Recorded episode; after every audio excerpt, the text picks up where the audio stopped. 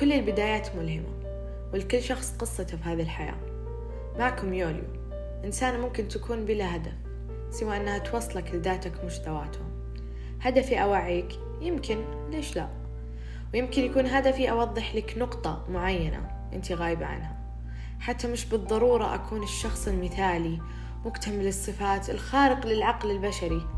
أنا مجرد ملهمة لك في ذاتك العميقة. ومع ثالث حلقاتنا بعد تغيير الاسم ونوعا ما التطوير الطفيف اللي حاصل حلقتنا اليوم بعنوان معب مو عيب إنه يكون عندك مرض معين عارجة في مشيتك أو إنك تعانين من صعوبة في فهم مادة معينة أو تكونين صاحبة بهاق أو صاحب بهاق أحيانا ذواتنا تحمل نفسها فوق طاقتها نرمي كل شيء حرفيا كل شيء. على بما يسميه المجتمع عيوب خلقية أو عيوب فكرية. وبالحقيقة ما هي إلا حاجة ميزتك وزادتك جمال عن مختلف البشر وباقيه وخلتك مختلف. ليه ما نحب الاختلاف؟ ليه ما نحب إننا نكون مميزين بوحمة ولا بلدغة؟ ليه المرض النفسي والأدوية المهدئة أصبحت حاجة معيبة وما هي إلا أشياء تخليك تضبط نفسك وتساعدها؟ ليه ما نفكر خارج الصندوق ونعتبر الأشياء هذه هي اللي مخليتنا مميزين؟ ناس مختلفة عن منظور الروتين الممل.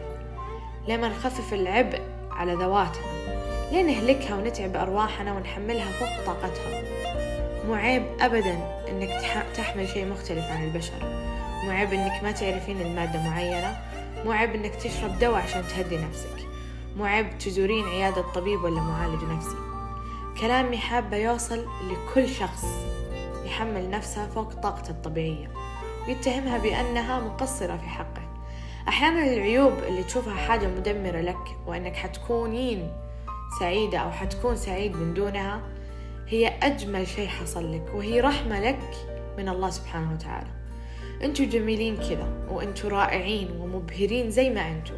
حبوا أنفسكم من جوا لأن لا حبيتوا اللي جوا انعكس على ظواهركم الخارجية. بالنهاية لكل شخص قصة. خلوا قصتكم ملهمة.